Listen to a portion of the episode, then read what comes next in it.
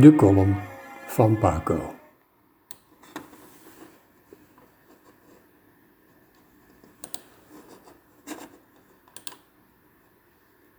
In het winkelcentrum kom ik mijn nieuwe buurvrouw tegen. Een jaar of 23 schat ik haar in. Dag buurman, zegt ze. Ik kan niet lang praten hoor, want ik ga een koffietje doen bij mijn vriendin. Koffietje. Als ik nou ergens een hekel aan heb, is het aan woorden als koffietje of andere verkleinwoorden. Omeletje gegeten, theetje gedronken, biertje besteld, poepje gedaan, autootje gekocht, huisje schoongemaakt. Ze ratelt door.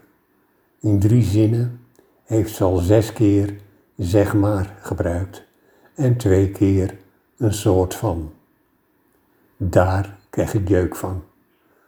Na 16 zeg maar's en 24 een soort vans komen we eindelijk op de kern van het gesprek.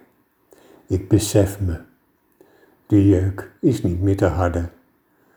Het is ik besef, corrigeer ik haar midden in haar monoloog over de voor- en nadelen van bokken op een inductiekookplaat. Ze kijkt verschrikt, ogen iets wijder. Wat? Het is ik besef en niet ik besef me, zeg ik nog een keer. Dat is toch een soort van hetzelfde, zeg maar, stamelt ze. Haar wereldbeeld stort in elkaar. Dat is het niet, zeg ik. En ik begin haar omstandig uit te leggen dat het werkwoord beseffen niet wederkerend is, zoals dat heet. Wel wederkerend is bijvoorbeeld verhangen, leg ik behulpzaam uit. Dat gebruik je zo. Zij verhangt zich, hij verhangt zich, enzovoort. Ze doet een stapje achteruit en loopt snel weg. Nou, doeg doeg, buurman, en weg is ze. Doeg doeg. Die jeuk.